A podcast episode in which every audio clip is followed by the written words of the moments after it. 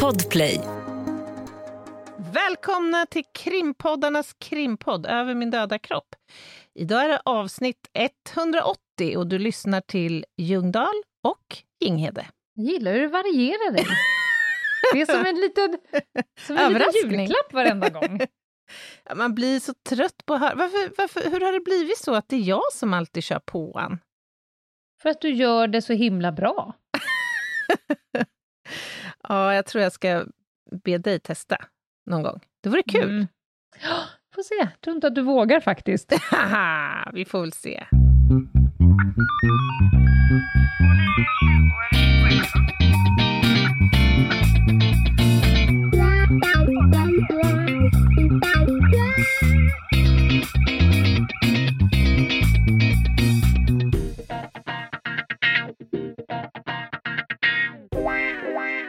Det är i alla fall del två på avsnittet eh, med alla era frågor om döden. Mm. För ni hade så fruktansvärt mycket frågor så vi hann helt enkelt inte klart förra veckan och därför kör vi en del två idag. Ja, men jag har aldrig varit med om maken. Det var ju en aldrig sinande ström av frågor. Alltså långt efter att den här frågedekalen var död. Oj, så Alltså, kom det. Hur många kommer du kunna klämma in på ett avsnitt? Jag sätter en pinne här. Eh. Förlåt mig. Mm. Nej, men det har ju alltså strömmat in frågor långt efter. Jag vet. Och folk har varit inne på våra sociala medier och skrivit frågor om döden på inlägg som inte har någonting med döden att göra. Det har också hänt. Det är helt riktigt. Mm.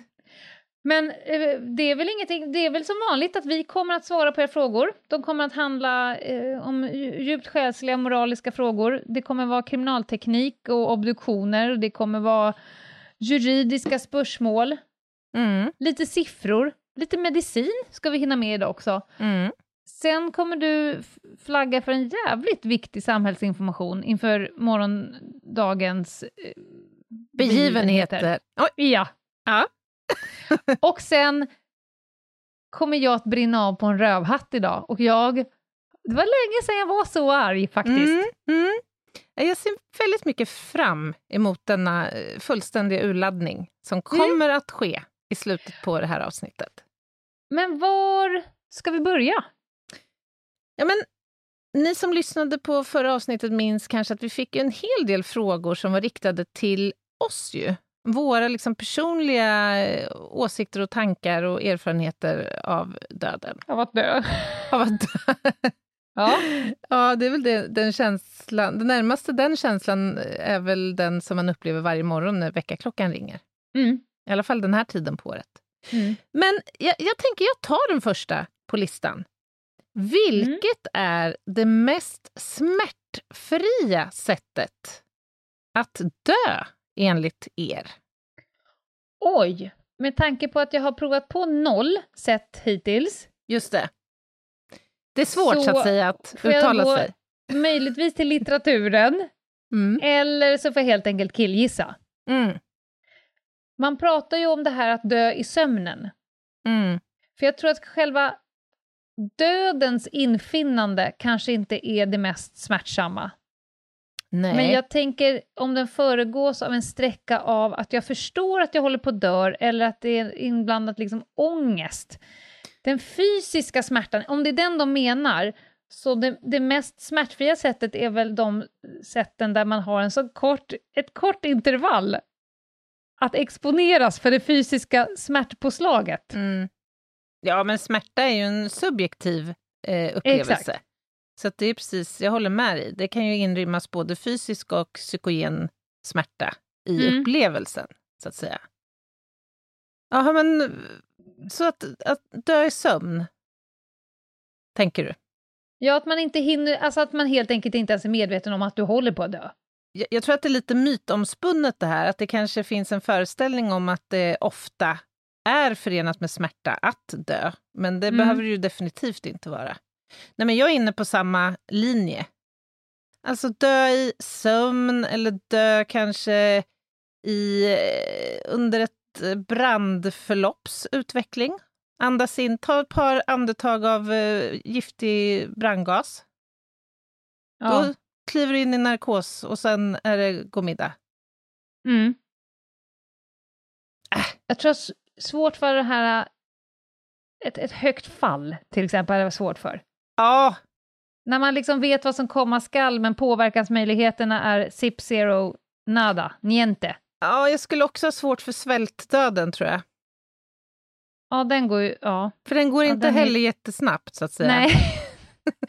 Nej, även om det kan kännas så 15.40 varje dag för mig. Ja, Mm. ja, jag är ju sällan där Ja. faktiskt. Nej, Men, det, nu får vi sluta killgissa. mm. Mm. Men eh, ska vi ta nästa då?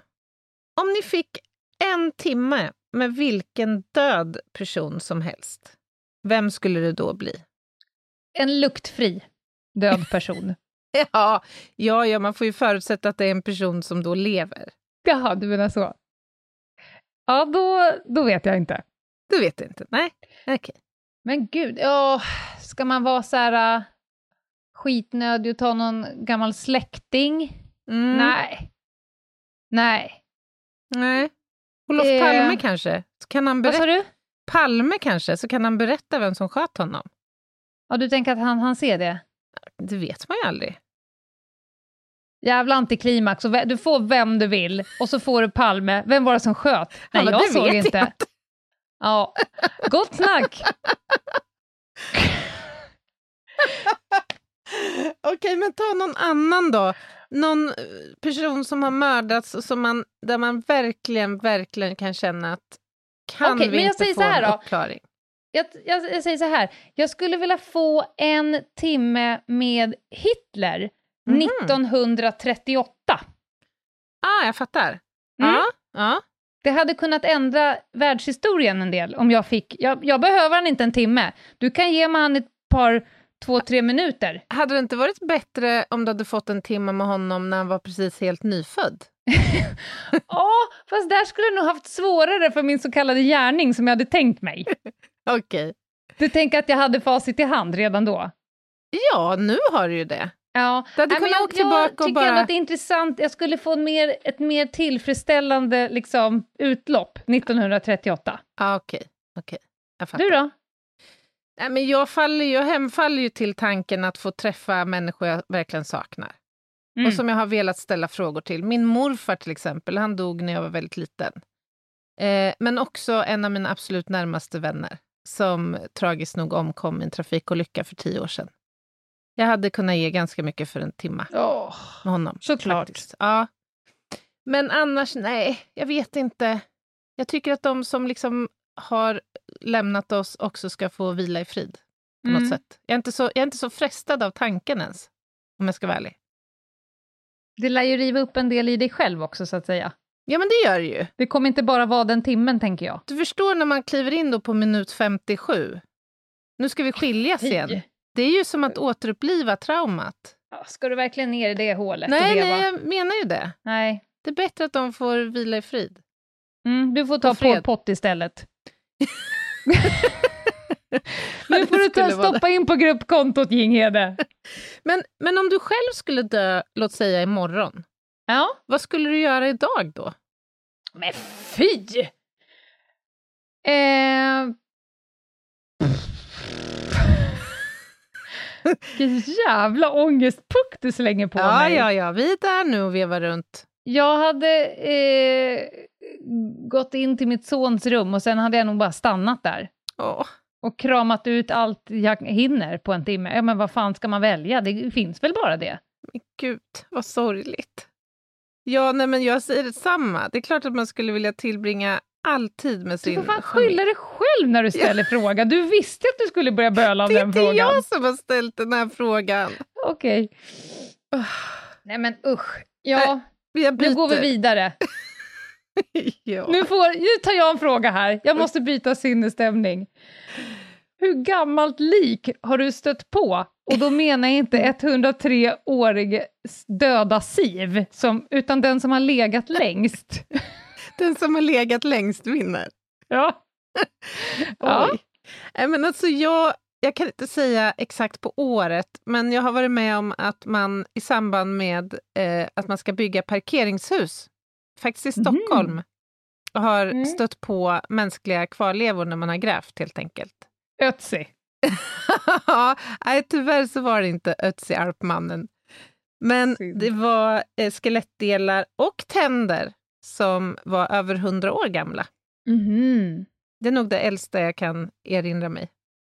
Själv då, vad har du på... Nej, men jag ska säga, när det har gått så lång tid, då har man liksom passerat gränsen för äckel. Jag har ju varit på en sån här, en som har legat i en sommarstuga Ja. under perfekta luft och väder och vindförhållanden som gör att man egentligen bara har blivit ett med linoleummattan. ja, just det, man har smält ner till eh, linoleumpartikelstorlek. Ja. Mm. Ja. Mm.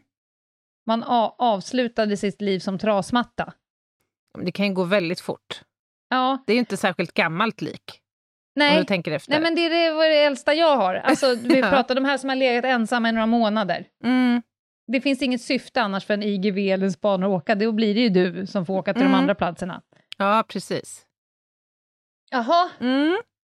kan vi inte gå in på lite kriminalteknik, Anna? Det kan vi absolut göra. Vi har fått en fråga. Hur ofta kallar man in osteologer eller arkeologer till en brottsplats? Alltså ta hjälp av deras kompetens. Vad är ens en osteolog? En osteolog är ju en person som är specialist på ben, helt enkelt. Mm. Och en arkeolog är ju specialist på utgrävningar och hantering av liksom, gammalt material, om man säger Mm. så.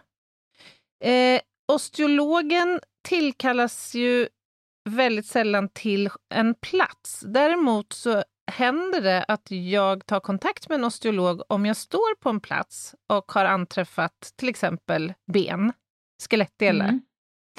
Eh, Och det är ju supersmidigt idag tack vare Facetime och annat. Alltså man kan ju få ett svar direkt faktiskt om man är osäker på var, var det här benet härstammar från, så att säga. Om det här ett och ett halvt meter långa är ett överarmsben från en människa eller inte. Precis. I sådana Ja. väldigt tveksamma fall så är det ju bra att kunna ringa en vän, så att säga. Jag har fortfarande väldigt svårt att, att få bort synen av det när du sitter i polisbilen och vevar ner rutan och säger vilken, vilken människa ska ha haft det där benet i sig, Ja. tänkte du. Det är Ja. oerhört roligt. Och arkeologer, det är inte särskilt ofta vi em, kallar ut sådana heller. Numera finns det faktiskt en specialitet som då eh, benämns forensisk arkeologi. Och där liksom Mhm. arkeologens specialistkunskap faktiskt kan användas och tillämpas i kriminalsammanhang. Och där kan vi ha glädje av arkeologerna såklart vid utgrävning, kanske av en grav eller sektionering, alltså hur mäter man in en stor plats där vi ska göra utgrävning och så vidare. Men det är inte särskilt ofta. Jag tror att under alla mina år som tekniker så tror jag att, att det är vid ett tillfälle vi har faktiskt tagit hjälp av arkeologer. Okej. Nu kommer jag ställa en kriminalteknisk fråga. Jag kommer att svara på den själv. Jaha, men gud vad roligt. Av den enkla att jag har hört dig säga exakt den här meningen så många gånger så att jag är förundrad över att frågan fortfarande kan dyka upp. Aha. Så kan du rätta mig om jag har fel. Mm. Hur exakt går det att fastställa tid för dödsfall egentligen? Och då, nu klär jag mig in med rollen som Jinghede. Jadi jadi, jadi jadi, litteraturen, jadi jadi. Och sen avslutar det med så här, man kan på sin höjd fastställa ett postmortalt intervall. ja, precis. Har jag fel? Nej, du har inte fel. Eh, Och om vi ska försöka översätta det här till begriplig svenska. Mm. Ska, jag, ska jag fördjupa mig helt kort i, i vad det här Tackar, innebär? tackar. Det är klart du ska. Nej, men att det är överhuvudtaget intressant att försöka fastställa en dödstidpunkt. Det har ju med många saker att göra, men om det är fråga om ett mord, ett spaningsmord till exempel, så är det ju såklart superviktigt för att kunna göra efterforskningar efter en person som kan ha bragt den här personen om livet, till exempel. Och vittnen och allt möjligt. Men det är ju också viktigt ur andra aspekter. Anhöriga vill ju till exempel kunna sätta ett datum på en gravsten. Det kan vara fråga om försäkringar och arv och annat som är beroende av ett eh, datum för en dödstid för att arv och sånt ska kunna falla ut helt enkelt. Och matcha med folks alibin. Ja, Om man kan säga vid den här minst. tidpunkten dog personen, ja då var det ju inte han, eller så då var det ju, kan det ju vara hon. Alltså man kan ju Exakt. säga mycket om det.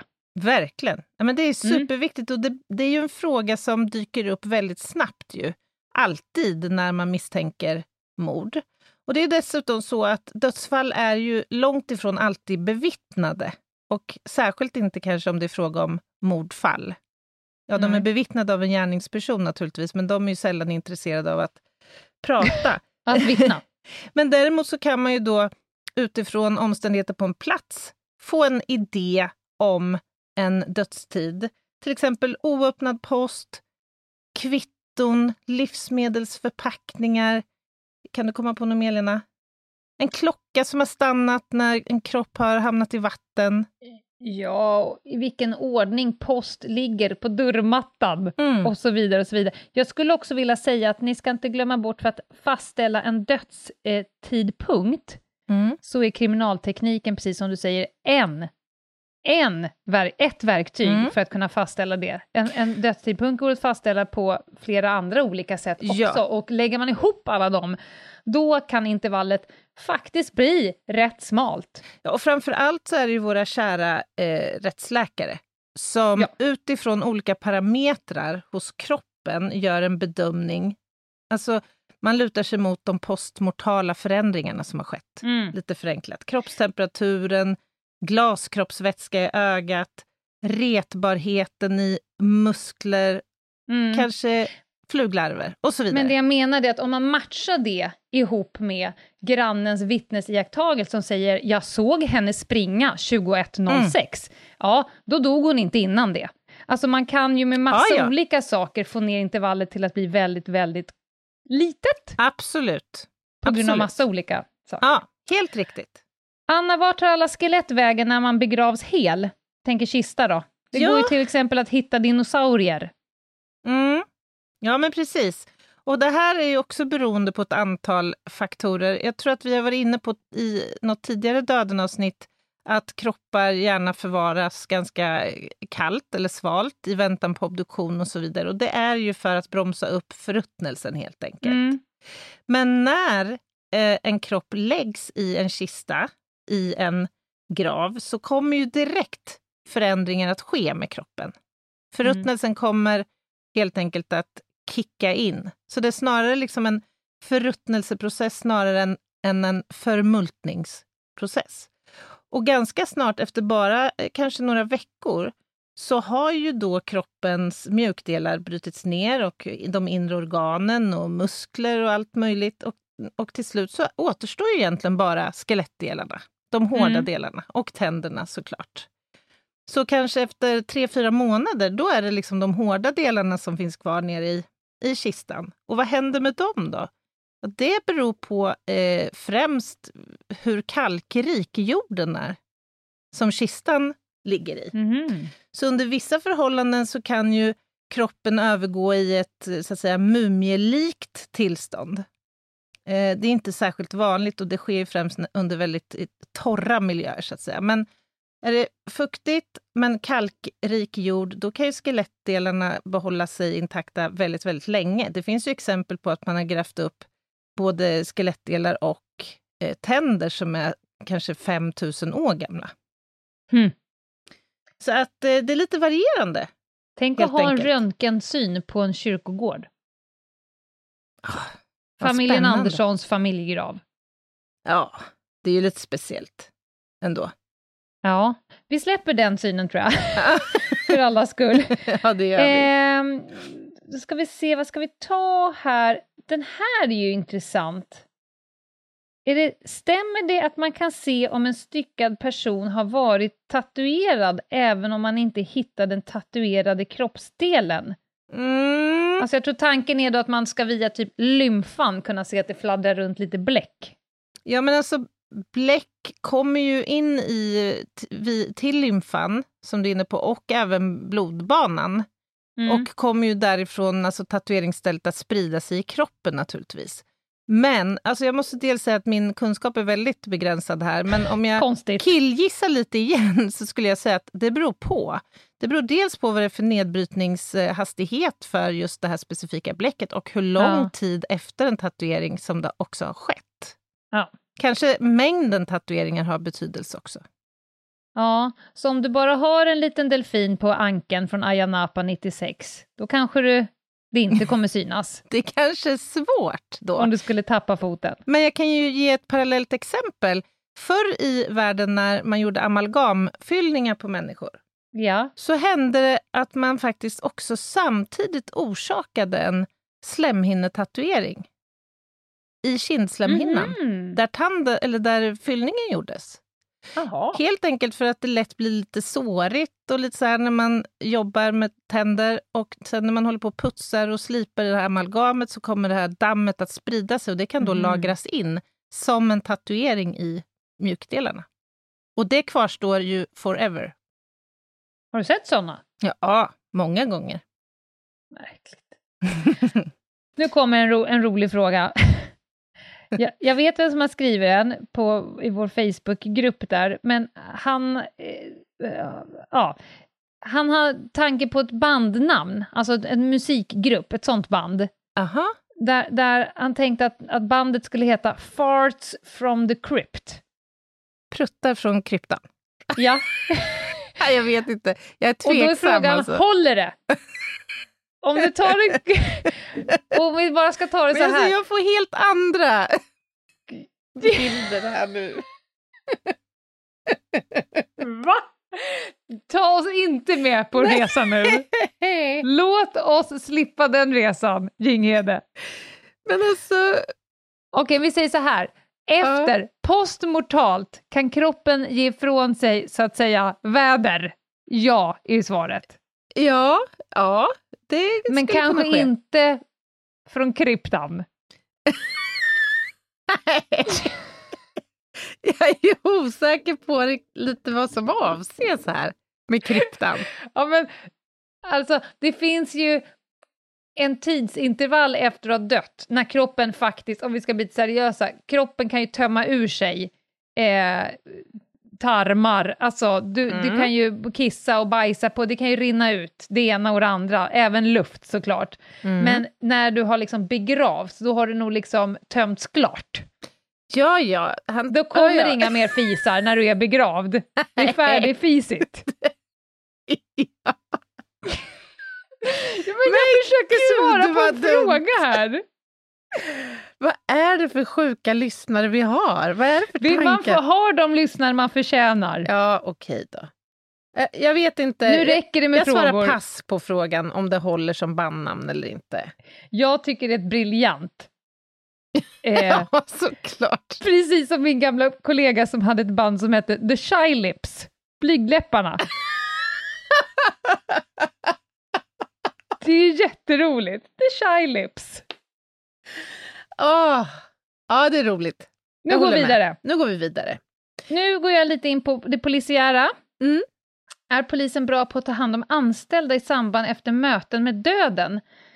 Eh, Du möter ju döden betydligt oftare än, eh, än de alla andra, skulle jag säga. Än alla andra poliser. Ja, det Blir du bra omhändertagen, Anna Inghede? Eller be- är du så, har du blivit så hård så att du inte ens behöver bli omhändertagen längre? Men återigen så är det ju en ganska subjektiv uppfattning som är Mm. direkt kopplat till vilket behov man har av omhändertagande, tror jag.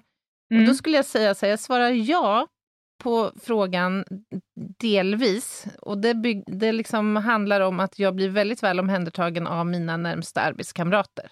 Ja. Men jag skulle ljuga om jag sa att det alltid fanns en, någon form av signal från, från högre ort, så att säga. Nej.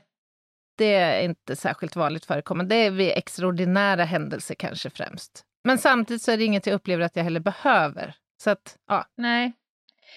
Jag, jag tror också, och min erfarenhet, och då inte bara döda, när man är med om traumatiska eller hemska eller liksom Mm. känslomässigt eh, påfrestande upplevelser, så är du i rätt kontext med rätt arbetslag och rätt chef så kan du få ett fantastiskt eh, Mm. bemötande.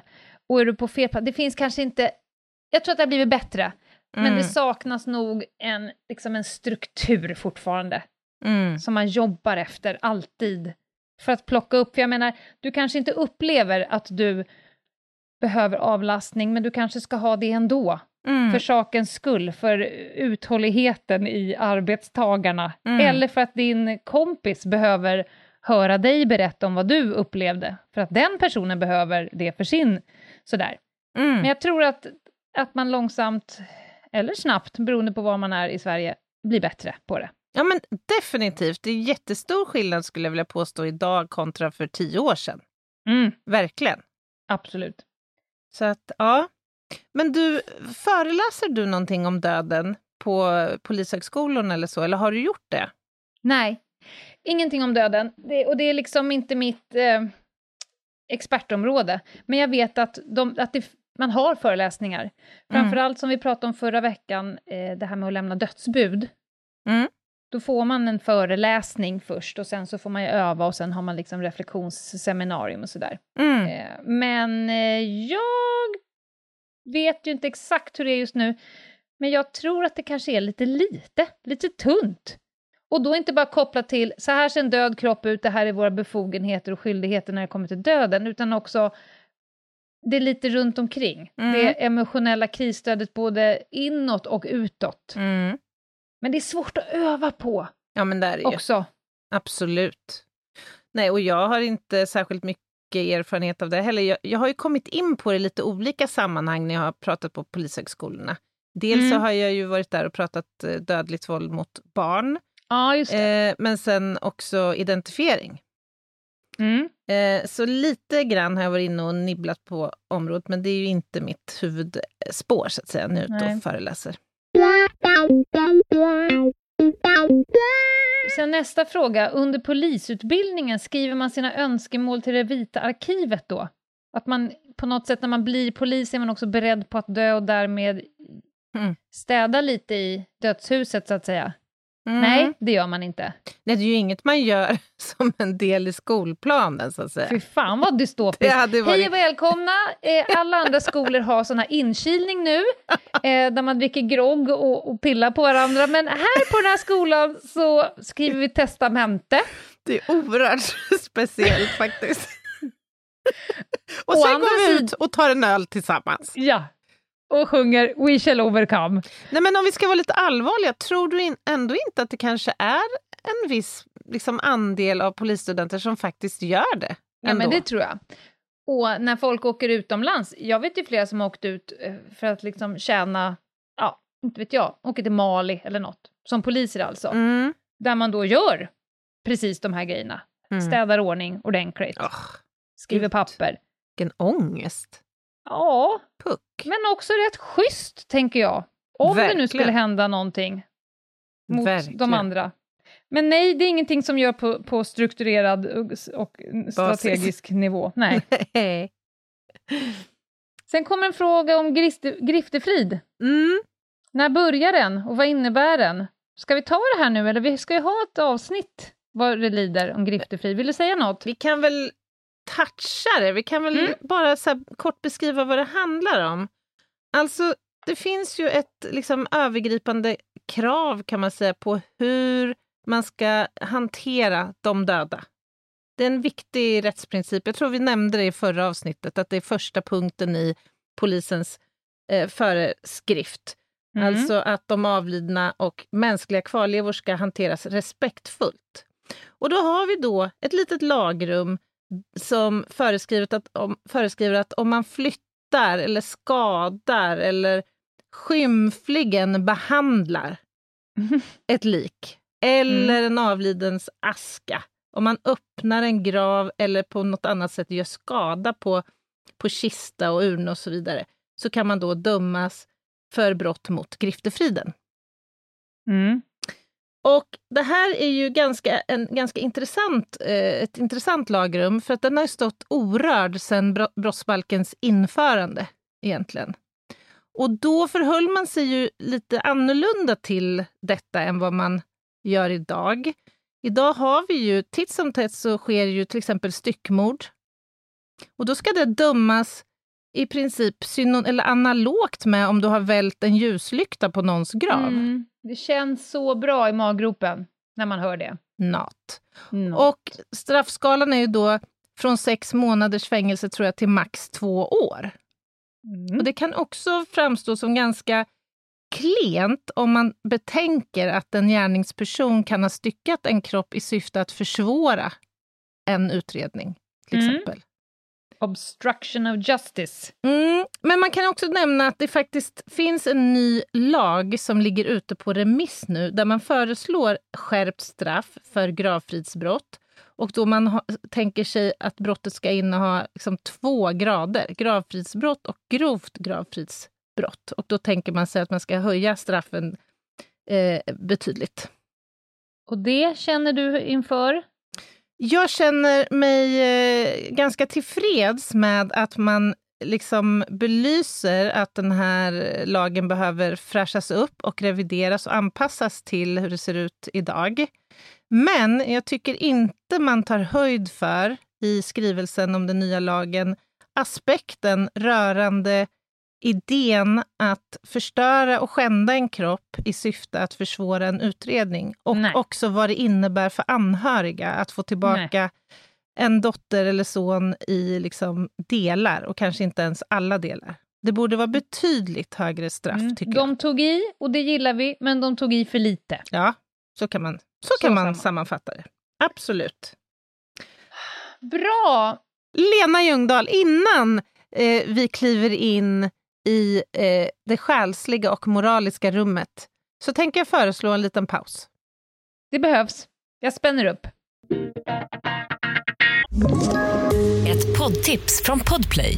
I fallen jag aldrig glömmer djupdyker Hasse Aro i arbetet bakom några av Sveriges mest uppseendeväckande brottsutredningar.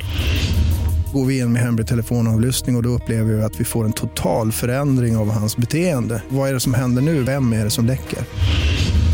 Och så säger han att jag är kriminell, jag har varit kriminell i hela mitt liv men att mörda ett barn, där går min gräns. Nya säsongen av Fallen jag aldrig glömmer på Podplay. Välkomna tillbaka. Det är Krimpoddarnas krimpodd, avsnitt 180. Och idag är det verkligen över min döda kropp och över din döda kropp också, för idag pratar vi döden för hela slanten. Mm. Och nu tänkte jag att vi skulle prata lite grann om saker som kan lämna vår döda kropp. Mhm. Vi har fått en fråga om Är själen. det farts from the crypt igen? Kommer den frågan igen? Vi är tillbaka där vi Fan startade. vad gött. Ja. Nej, men kort sagt. Mm. Väger själen sju gram? The butterfly effect. Mhm. Eh, ingen aning. Det där, är, är det nu man säger därom tvistade lärde? Ja, men jag blir lite förvånad. Alltså, jag har lärt mig att McDougall gjorde en undersökning som vi har pratat om eh, också tidigare i en podd. Och där han kom fram till att de få, för att den fick ganska mycket kritik den här studien, men de få Ja. eh, försökspersoner, höll jag på att säga, studiepersoner han undersökte, tappade 21 gram. Ja, exakt. Det finns väl till och med filmer och serier, 21 grams. Känns väldigt godtyckligt. Och så 7 gram. Och så ser jag nästa fråga här. Vad är er tanke om att själen som lämnar kroppen är 0,13 gram? Men, Jag skulle vilja se den kliniska studien. Nu väger vi Berit. ja. Nu dog hon. Nu väger vi henne igen. Mm. Det ska Ja. till en jävla finkalibrerad heroinvåg Ja, och väldigt många. Precis, och väldigt många eh, studier. Berit måste dö många gånger. Just det, just det. Så Men man alltså, har liksom likvärdiga jämförelseprov också. precis. Men du, alltså, vad är själen för dig? Om du, om du föreställer dig själen, vad är det för något? Jag är alldeles för krass, Anna, för det här. Ja, Det här med så här, åh nej, nu dog hon, jag måste gå och öppna ett fönster så hon kan flyga ut. Då är jag på farts for the crypt igen. Alltså, det finns en anledning att öppna det här fönstret och det är inte själen. Eh, vad är själen? Jag, för mig är det så mycket mer vid- liv än vid död. Jag tror Ja. att jag är ju så tråkig att när det är dött, då är det fan i mig dött alltså. mm, mm. Då är det the end. Det är inte to be continued, utan Nej. då är, det, då är det ridå. I min värld, i din värld också. Ja, definitivt. Och jag tror att det är också ridå för själen. Den ska inte fladdra någonstans. Den har fladdrat klart. mm. Men jag tror att vid, vid liv, så tror jag att om man pratar om det själsliga livet, alltså det måendet, det tyckandet, liksom det som inte är kropp, kött, Mm, blod Mm. och skelett. Men Ja, med andra ord bara en, en, som ett nystan av hjärnceller. Exakt. Lite så. Ja.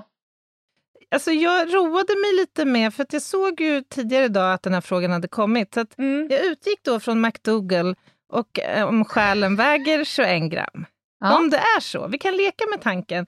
Och så tog jag reda på att det är ungefär 107 miljarder människor som har levt på jorden.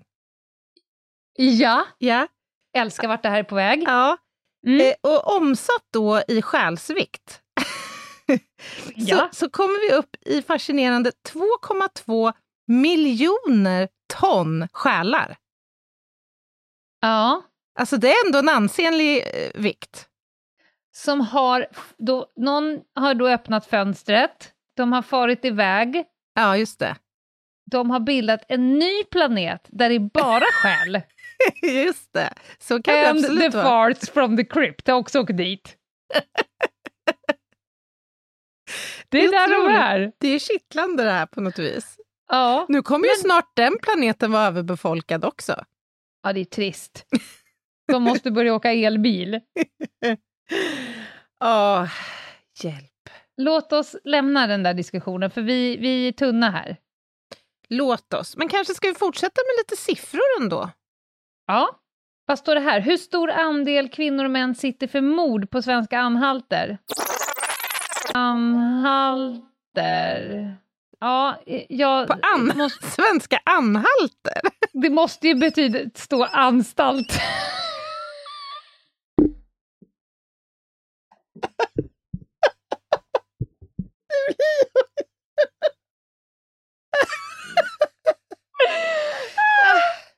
Det blir också så roligt när du läser sådär med svung liksom.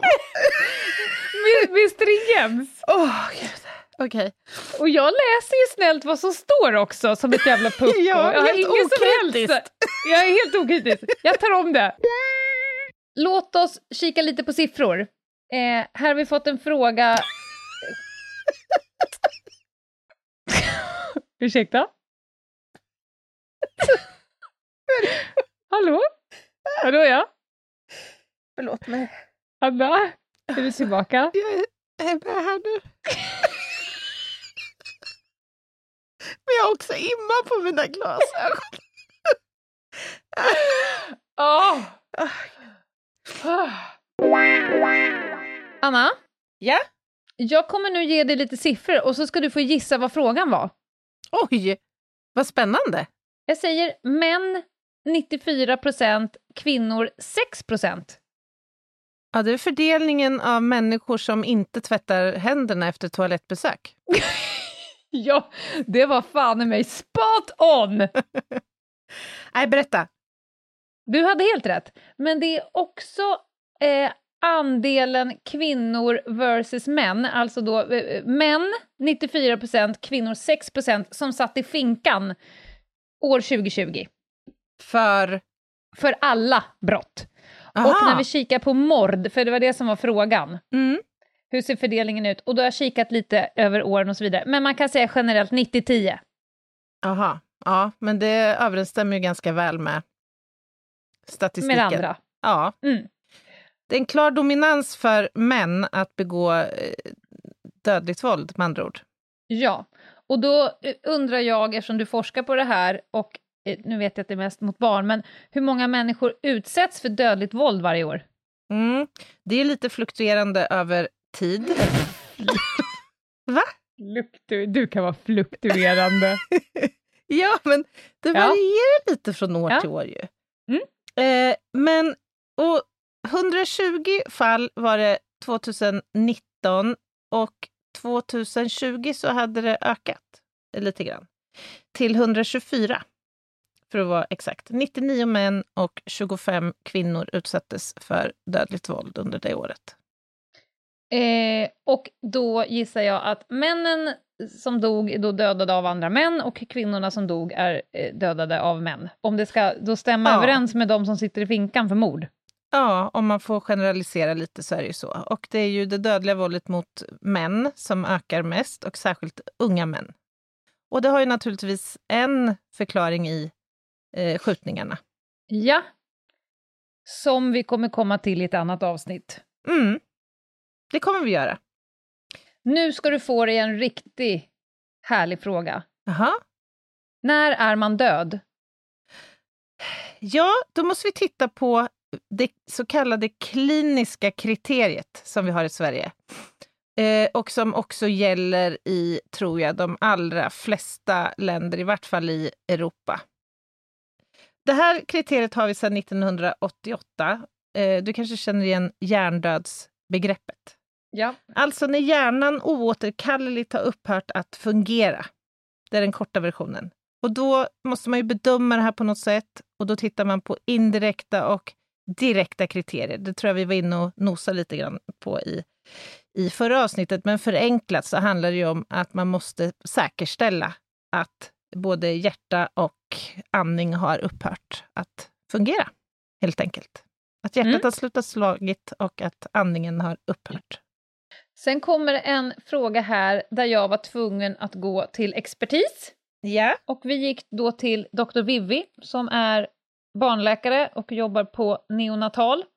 Alltså försöker hålla liv vid de allra minsta bebisarna om de föds under problematiska former. Mm. Och då var frågan, jag har fått samma fråga två gånger, men i princip om en kvinna dör, Mm. eh, kan barnet överleva i magen då, eller hur lång tid tar det innan barnet i magen dör? Och då Mm. frågade jag Vivi, och då sa hon, hon är kort och koncis, det gillar man ju, Mm. två, tre minuter. Mm. Och sen kom det något här, här nu som jag... Jag vet inte om, jag, om folk kanske tänker att det är självklart. För mig Mhm. var det inte riktigt det. Men eh, mm, två, tre minuter och då är det ju bråttom alltså. Mm. Och man snittar då ut barnet för att rädda kvinnan Mm. och för att kunna göra ordentlig HLR på henne. Just det. Mm. Eh, och då, fokus är på att rädda mamma, inte Ja, rädda nej. bebis. Nej. Eh, om mamman ändå är på väg att dö, Mm. alltså att det är beyond hope, då snittar man ut barnet för att rädda barnet. Just det. Perimortem-snitt. Mm. Under döden-snitt, kan man säga. Ja, Vilken oerhört tragisk situation. allt, allt med det här var ju bara... Det här var ju avgrundsdeppigt. Kan vi bara- Kan vi bara skänka en tanke till läkarna som Vimmi, som måste ta Ja. de här sekundbesluten. Eh. Mm. Nu pratar vi ju bebis dör om två, tre minuter och mamma kanske också dör. Här är det brådis. Åh. Brådis! Vem ska vi rädda? Här ska det gå undan. Ja, för Ja. sjutton. Vilka tankar. Och processer Yes. som måste passera genom hjärnbarken. Och det går inte alltid bra heller. Nej, det gör det ju inte. Och det beror ju inte på eh, i första hand läkarnas eh, oskicklighet. nej, gud nej. Att det helt enkelt inte alltid går att rädda liv. nej. Helt enkelt. Ja, Men du, usch. kan vi ja. inte prata om något lite, lite lättsammare? Jag, jag tänker med den här frågan. Hur kommer det sig att så, Jaså? hur kommer det sig att så många hit, döda hittas nakna eller lättklädda? Har vi fått en fråga. Jag, alltså jag, jag blev... Gör de? I min Nej, men- motfråga då. Samma här! Är det verkligen Jag har så? aldrig, eller jo, såklart, om man snittar upp handlederna på sig själv när man ligger i ett badkar finns det liksom en rimlig anledning till varför du kanske inte har så mycket kläder Ja. på dig, men eh, jag har svårt att se hur någon bara, nu dör jag snart, jag måste hysta om alla kläder. Nej, men alltså, Är det inte en filmgrej då? jo, men det Att det kanske ligger det är. något snyggt eh, alabastervit kropp i Mm. någon dike, i någon pose. Jo, men det är, det är sant. Fast det tolkar jag ju mer som att det liksom är för att filmiskt få det snyggt, helt enkelt. För, Ja, men det är för lik ska ju vara tror. snygga på film, så är det ju. Mm. Men om jag, om jag försöker så här, göra en recap på, låt säga de tio sista dödsfallen jag har eh, varit ut på och jobbat. Mm. Så ja, jag skulle nog bedöma att ungefär hälften har det varit väl, ganska lättklätt, alltså kanske typ en småbyxa och sen ett linne eller något sånt där. Men Mm. i samtliga av de fallen så har också individerna varit svårt liksom, sjuka. De har mått väldigt dåligt innan de till Mm. slut har avlidit och gjort på sig och liksom allt det där. Eh, och sprungit upp och ner från sängen. Och det är klart att det är skönare att ligga i en säng med lite kläder kanske än att vara fullt Mm. påklädd. Men det jag också tänker är att väldigt många människor som dör, dör ju till följd av cirkulationssjukdomar. Ja. Eh, och det är möjligt att det kan ställa till kroppstemperaturen om man har ett hjärta som skenar till exempel. Eller Okej. låt säga att man faktiskt har en eh, svår infektion som till slut tar livet av en. Så kan man också tänka sig feber och sådana saker. Men jag har ingen eh, annars logisk och bra förklaring eller ens kunskap om det är så. Nu, nu kommer jag med en vild gissning. Alltså, det är väldigt många som dör sovrum, säng, badrum. Det är väl typ där som jag i alla fall oftast har hittat människor när man gör lägenhetsundersökningar. Mm. Om man själv är, är dålig, om man har influensan, dunderförkyld och så vidare. Jag i alla fall, jag mår ju alltid sämst på morgonen när jag vaknar.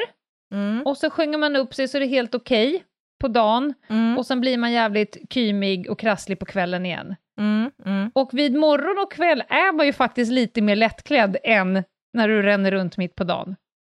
Så om du har en sjukdom, ja, Ja. det kanske är därför folk ofta dör natt, tidig morgon. Alltså man är väl kanske mer skör, tänker jag. ja, ja, ja, jag vet inte. Hängde du, hängde du med på min tankebana? Ja, Jag funderar på det här du sa att ma- man är ju lite mer lättklädd på morgonen och på kvällen. Alltså jag är ju en sån här som får på mig kläder ungefär 45 sekunder efter jag har klivit upp. Jo, jo, men du sover ju inte i, i pennkjol och Nej. kofta.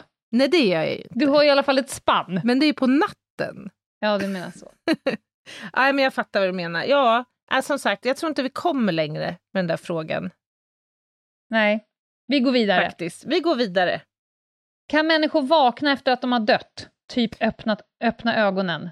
Men det här var också en fråga som jag fick fundera lite grann på. Jag kan inte erinra mig att jag varken har sett eller hört just det ske.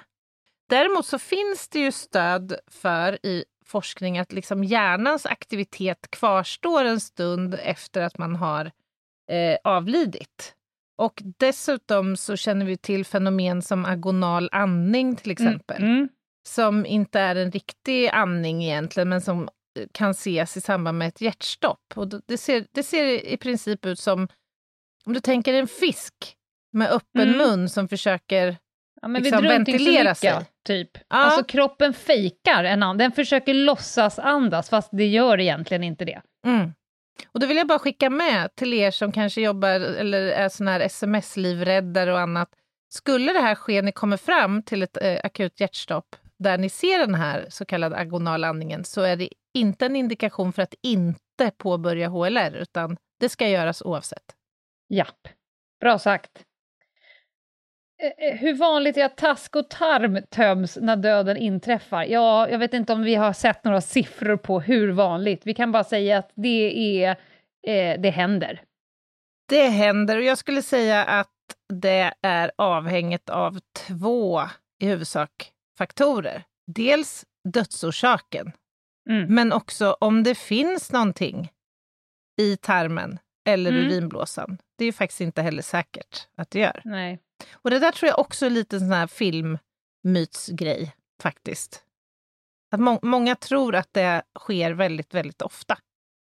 Mm. Jag tror att den här när ögonen som öppnas är också en filmgrej. Ja, det kan Man ska gå fram och, och pussa morfar på pannan i kistan och han bara ”Hallå!” Alltså, är inte det lite Men är film? inte, är det inte då kanske fenomenet att många döda faktiskt har ögonen öppna? Det är inte den grejen då? För så är det ju Mm. faktiskt. Ja, men då har de ju liksom varit öppna konstant. Mm. Då har de ju själva inte öppnat dem efter två veckor. Nej, det, det är väl ändå ett rimligt antagande. Jaha, Jaha, vad har vi kvar här på i vår lilla frågelista? Jag vet inte, jag håller på att ladda upp för, för rövhatten nu. Ja, Jag kan knappt koncentrera mig längre. ska, vi ta, ska vi ta två sista frågor? Hinner vi Mhm. det? Ja, Två, kort, två korta. Får man ha öppen kista på begravning i Sverige? Ingen aning. Jo, det får man. Men det är ovanligt i Sverige att man vill det. Det kanske är lite kulturellt betingat det här. Och om man vill ha det så är det ju viktigt att de som kommer närvara vid begravningen eh, också kanske får kännedom om det. Ja, en liten hint vore ju snyggt. Ja, men eller hur? För att jag tror att det är ju inte, vi är inte vana vid det helt enkelt i vår del av världen, att ha Nej. öppna kistor på begravningar. Så det tror jag skulle vara en typiskt bra grej om man gör. Och sen har vi fått en fråga om politi. Våra Mm. älskade politimänniskor. Mm, I dansmarkorna. Ja. Är det alltid politi som hämtar en kropp till obduktion? Nej. Nej. Alltså, dör man på sjukhus så är det ju sjukvården själva som ombesörjer transport till bårhus. Ju. Mm. Eh, och då är det ju oftast fråga om en klinisk obduktion som ska göras. Är det däremot ehm, polisanmälda dödsfall, då är det politi. Men det kan ju också vara i vissa fall sjukvården, alltså ambulansen som hämtar, Mm. eller en begravningsentreprenör. Ja. Så svaret på frågan är nej. Kort Nej. och gott. Men nu Lena, jag ser att du studsar där på, på stolen Mm. nu. Ska vi, jag tycker vi ska flagga för en jätte, jätteviktig sak som kommer att ske imorgon. Mm. Och det är nämligen Friday merch! Whoop, whoop. Woop, Nu är det woop. dags igen. Ja. Och för ni som har precis hittat till podden så betyder det vad då, Anna? Att under 24 timmar så har du möjlighet att förvärva din alldeles egna och underbara ÖMDK-merch som säljs endast under dessa 24 timmar. Och eftersom dessa 24 timmar börjar imorgon så kommer vi nu att berätta vad det är. Ni kommer kunna köpa en porslinsmugg, en vit tisha med eh, tryck och ett grå sweatshirt med tryck. Och trycket kommer att vara Nu räcker, det, med, frågor. Exakt! Med en snygg eh, bild till. Och vad är nu det här Nu räcker med frågor som vi återkommer till hela tiden i den här podden? Vi kanske bör förklara det. Ja, det är Och det är ju, dags. från början kommer det ju från en, en barnbok som heter Jag vill ha min hatt. Mhm. Och det här är någonting som jag har jobbat mycket med, för att boken går ut på helt enkelt att när man är trängd i ett hörn, man har inga bra svar längre, eller jag har helt enkelt tröttnat på dig och dina jävla frågor, så kastar man helt enkelt ur sig. Nu räcker det med frågor. Och den här används ymnigt i mitt hem. Mm, mm, Kära son, har du gjort din läxa? Nu räcker det med frågor. mm, mm. Det är ett, ett genisvar på, istället för att säga nej, det har jag inte, jag har spelat Fifa. Då är det bättre att säga nu räcker det med frågor. Ja. Så att, och, och den är så bra, man kan döda vilken diskussion som helst med det. Nu räcker det med frågor. Så den får ni på merch imorgon. Ah, det blir härligt. Och lite kompletterande samhällsinfo. Ni bör ju genast klicka er in på vårt Instagramkonto. För det är där vi interagerar som mest med er när vi inte poddar. Ljungdahl och Ginghede. Och mejla om ni har tankar eller synpunkter på hej at ljungdahl och ginghede.se. Men nu Lena, nu är det dags. Lenas rövhatt. Ja, Anna, idag kommer det att bli en liten variant på en rövhatt. Jag kommer att ta med dig ut på en resa Mhm. och jag vet, det är så här, jag behöver hjälp av dig. Jaså? Jag vet egentligen inte vem det är som är rövhatten. Jag har fyra Oj! skäligen misstänkta rövhattar Det blir som ett historien. rövhatts-credo här. Ja, exakt så är det. Det finns fyra tänkbara rövhattar. Mhm. Men hur det, vem som än eh, visar sig vara rövhatten så är det jag som är drabbad. Ja, det är ju precis. Det spelar egentligen ingen roll vem som är den äkta rövhatten. Nej. Det viktiga är att du är ett offer för det här. Ja, exakt. Mm, mm. exakt. Eh, Låt mig ta med på en resa. Jag går ju och dansar Ja, två gånger i veckan. just det. Tidigare i mitt liv, alla dagar i veckan. Men Det här är- jag får... det. Jag skulle säga att det här är ju något som jag upplever att du upplever som något närmast sakralt. Det är en helig tid. Inget ska ske annat Nej. de här tiderna. Och, och det, eh, jag måste jobba upp er brygga här nu för att ni ska förstå. Det här är min ventil. Mhm. Jag, jag har ett ganska tjockt schema. Jag jobbar, har rätt mycket ansvar, tunga grejer och hjärnan jobbar hårt. Och det där är min ventil. Det är två dagar i veckan som jag går och dansar.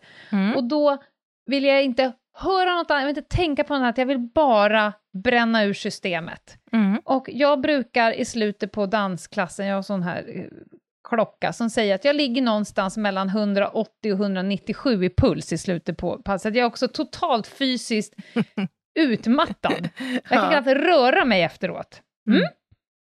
Och det här är viktigt för mig. Och jag brukar efter danspassen komma hem och liksom, jag har inget problem med att disken står framme och alla är snygga och, och, och härligt bara. Det, det Mm. ger mig och min omgivning Ja, men du, Eh. Du är i ditt bästa jag då, skulle jag vilja Ja. säga. Ja. Verkligen. Och då, det är då också, eh, till exempel mitt barn frågar om förhöjd månadspeng och Mm-mm. jajamän, Mm. mer ska du ha säger jag. Mm. Mm. Nej men nu har jag gett dig den här ingressen. Då kommer jag alltså till den här dansklassen. Jag har bokat upp mig för x antal veckor det här, den här terminen och så kommer jag och sen är det eh, koreografen då. då. Det man gör, man bokar så här, jag vill gå den här dagen, jag vill boka för den här typen av dans, den här nivån, för då finns det liksom medel, proffsklass, man lägger sig på rätt nivå. Och jag vill Mm. ha just den här koreografen. Mm. Eh, eh, idag så har vi en praktikant här eh, som ska hålla i dansklassen och jag känner hur hela min själ Ah. bara blir som en jävla hönsröv. Men du, då, Ja. du utgår då från att det här kommer bli sämre än det Inte du... första gången, Eller? Nej? Nej? Ha, in, halva andra gången, men när det här händer fyra veckor i rad, Ja, nej, men det är ju inte okej. av åtta veckor, Ja, nej, nej. ja, och det är inte klart, och då eh, det är också en, en, det är en annan typ av dans som sker. Alltså dels att det är praktikanter, det är också fel genre och också helt fel nivå. Det, det, det här är ju jättekonstigt. Det är som om du skulle gå till en lokala bilhandlare och säga du, jag vill ha er senaste Volvo. Ja, Mm. tyvärr, du får åka hem i den här istället, den här trevliga Renault. Du får Bregott mellan, svarar de då. Så jag står där, sur, arg som en jävla bålgeting och Ja. tänker Åh, varför ska det här hända mig? Varför kan du inte praktisera någon annanstans Nej. någon annan gång? Och så vidare. Och sen så, sist, det var crescendot på sista, liksom, för nu går jag inte dit längre. Nej. Crescendot var då sista gången, då säger min träningsklocka till mig, den som brukar säga så här, hej, chilla ner nu, du ligger på 197, Ja, tänk på att du snart är 45. Mm, mm, mm. Den säger så här, pling, och jag tittar ner på klockan. Då säger klockan, det, det verkar som att din träningspass är över. Ska jag avsluta träningspasset? Jag står och fryser och huttrar och lyssnar på en människa, nu kommer det, som säger så här. Tänk att du är ett höstlöv i lera. Man bara, skjut mig i valfri kroppsdel. Åh, nej, jag har alltså, hamnat i en jävla zon av pedagogisk drama. Ja, och din, Jag är inget höstlöv och du är inte en, den koreografen som jag har betalat för. nej, men alltså, alltså, det är så många delar i det här. Jag, jag känner med dig, för jag föreställer mig att hela din hjärna också har kidnappats av liksom, onda tankar. Du kan, hur gärna du än vill. Nej, liksom, det går inte. det går inte. Min Nej. kompis säger till mig så här, Lena gå, det ryker ur Ja, dina det, öron. just det. Men då är det någonting som man säger, för det finns också en grej som man inte gör i dansvärlden. Aha. Du lämnar inte under en, under en klass. Nej. Det, är som att sätta, det är som att sitta på främsta raden på en opera och sen bara så här, kasta en tomat och säga you suck Mm, och mm. gå. Det gör man. Så jag står där, men, Men- jag, alltså jag, är så, jag är så hopsnärpt i själen. Mm, jag fryser. Träningsklockan har dött. Och så en människa står framför mig och säger tänk att du är ett hästlöv i lera. Alltså, skjut mig bara. Vad skulle du göra med den informationen? Liksom? Nej, men jag, och så, mm, ah, du måste få ner mm, rytmerna i kroppen. Nej, men jag vill inte ha, Nej, men- alltså, jag vill Nej, framförallt nej. inte ha dina rytmer i min kropp. Nej, mina löv de har brutits ner för länge sedan, skulle jag Och sagt. så går jag därifrån. Jag är så arg, och det här är alltså fjärde gången. Mm. Mm, går jag därifrån, kommer hem, öppnar dörren. Mitt stackars barn som är van med att jag kommer hem och bara popcorn till alla. Jag bara skriker rakt ut. Varför är det så jävla många skor i vår hall? De står alltid där, vill jag bara säga. Det är Åh. 400 par skor i, i hallen. Men, men Lena, vem är det egentligen som får veckans rövhalsutmärkelse? Så här. Och, och nu har jag funderat. För Mm. jag tittar mig runt lite, så här, är det ingen annan än jag som vantrivs? Ja, men. Alltså, så. så då antingen är det jag, Mm. jag är, jag är några centimeter öppen för att det är jag som är rövhatten. Av den Mm, enkla anledningen mm. att är man under utbildning så måste man få öva. Jag förstår det. Ja, men det är en annan fråga. Ja, man, man måste få vara en, en praktikant och man måste få öva. Alla är nybörjare i början, så att ni som har börjat författa ett sånt mejl till mig, checka upp det bara. Jag fattar att alla är nya i början. Ja, men det var ju inte det du signade upp för. Exakt, exakt. Så att, eh, jag tog ändå bort rövhatten från mig själv. Mm. För, så. Är, det, är det verksamheten? Är det de som... Om, för om jag hade fått eh, beställningsdokumentet Mm. och där det stått så här, eh, by the way så kan det vara så att eh, upp till hälften av alla gångerna kan ersättas av random människa. Mm. Då hade jag ju inte signat. Nej, så är det precis. verksamheten jag ska vara arg på? Själva de Ja. som tar mina pengar? Det tycker jag nog faktiskt. Är det, är det koreografen jag ska vara arg på? Det är min tredje person. Mm. Hon som ändå har godkänt, för hon är också där varenda gång och Mm. sitter i rummet. Alltså, godiset för mig finns där, Va? men hon sitter och stirrar på mig bara. Nej, nej, hon är med för att Ja! övervaka praktikanten. Ja! Nej, men sluta. Och eller är det praktikanten som tror att jag är ett höstlöv i lera? Är det hon jag ska vara sur på? Jag har så många. Så jag går därifrån. Vet som händer är att jag går hem, Ja. öppnar upp datorn, ja. blir, du vet den här sur-Britta. Mm. Hej, Mm. jag heter Lena. Eh, jag har gett mig av era pe- mina pengar för jag har köpt en tjänst. Mm. Du vet, jag blir så här, Mm. nu har Väldigt jag inte eh, fått den kategorisk. Ja, nu Mm. har inte jag fått den tjänsten som jag köpte, utan jag har fått någonting som jag inte vill ha. Just det. Hur ställer vi oss till det här? För att om jag hade vetat det så hade jag inte gått hit. Och framförallt, varför står det så jävla många skor i min hall? För det är ert fel just nu. Det är underbart. Alltså, jag är så, så den här terminen är förstörd för mig. Men alltså, fick du någon, något svar? Har du fått någon kompensation? Fin, alltså, finns en mottagare som kan ge dig lite sympatier här? Jag har fått drag i linan Mm. och den kom från eh, den kom från ett, en av de fyra kom svaret från. Eh, och, och det kommer att bli bra. Men, men det, här, det här med att inte få det man har... Kommer du ihåg när jag berättade för dig när jag låg på sjukhus? Ja. När det kom in en, en, eh, en diabetiker, tänkte jag säga, inte en diabetiker, en dietist. Mm. Just det. Och som sa att, hon, att jag var tvungen att resa mig ur sängen. Ja, just det. Och Ja. hon var också blind. Mm. Mm. Och jag sa så här, jag kan inte resa mig ur sängen för jag, jag svimmar. Jag har försökt, jag har försökt tio gånger. Jag svimmar på direkt. Ja. Ja, men det är jätteviktigt att få igång magen, så du måste resa dig upp på en gång. Ja, jo, jo, fast det gör ju ingenting att magen är igång om jag slår huvudet i golvet. Det hjälper Det mig kommer föga. inte gynna någon. Res dig upp, jag hjälper dig. Varpå Ljungdahl reser sig upp och bevittnar en människa som är blind och försöker fånga Ja. en fallande kropp Mm. Mm. utan att se var kroppen är någonstans. Mm. Olyckligt. Buskisteater för fan. Just det. Mm. Så att ibland är det bara så här, äh, öva inte på mig, lyssna på vad jag säger, ge mig det jag vill ha.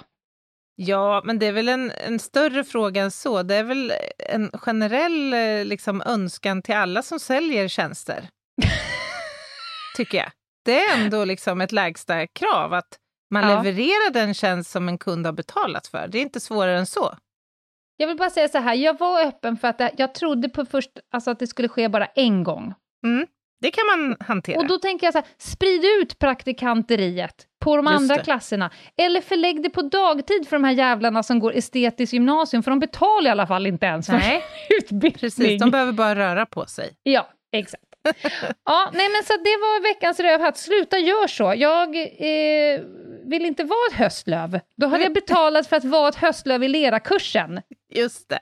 Ja, Precis. känn rytmerna i fötterna. Åh. Ja. Nej, jag fattar din... eh, Så jag bara varnar nu för kommande. Jag har ingen ventil i min vardag just nu. nej, Ni nej. som har tips på ventil kan ju kontakta oss på de här ställena som Anna sa. Varsågod och gör det. Men hörni, nu är det dags att knyta ihop ÖMDK-säcken för den här veckan. Ja, Skynda och fynda!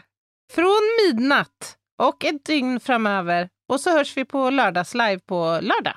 Där satt den fan i mig. Ha det gött! Ha det! Bye! Hej!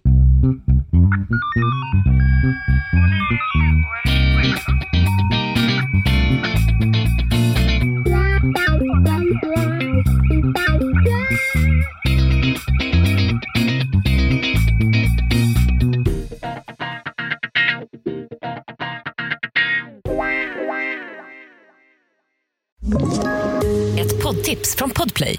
I podden Något Kaiko garanterar östgötarna Brutti och jag, Davva, dig en stor dos skratt. Där följer jag pladask för köttätandet igen. Man är lite som en jävla vampyr. Man har fått lite blodsmak och då måste man ha mer. Udda spaningar, fängslande anekdoter och en och annan arg rant. Jag måste ha mitt kaffe på morgonen för annars är jag ingen trevlig människa. Då är du ingen trevlig människa, punkt. Något Kaiko, hör du på Podplay. Därför är gardinerna.